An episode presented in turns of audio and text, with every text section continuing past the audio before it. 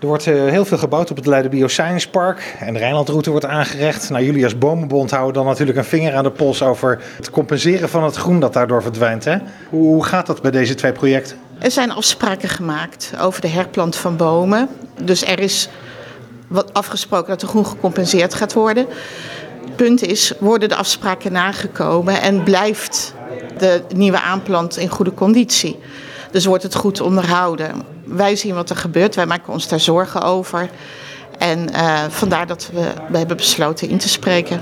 Want de afspraken worden in zoverre wel nagekomen dat er wel bomen worden geplant? Jazeker, dat, dat gebeurt.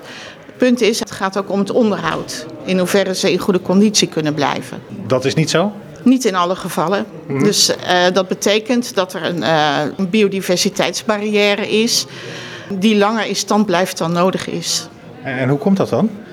Dat komt doordat bomen niet goed aanslaan en niet goed uh, stevig worden en daardoor het uh, niet kunnen overleven. Hebben jullie ook een oplossing? Goed bijhouden, goed water geven.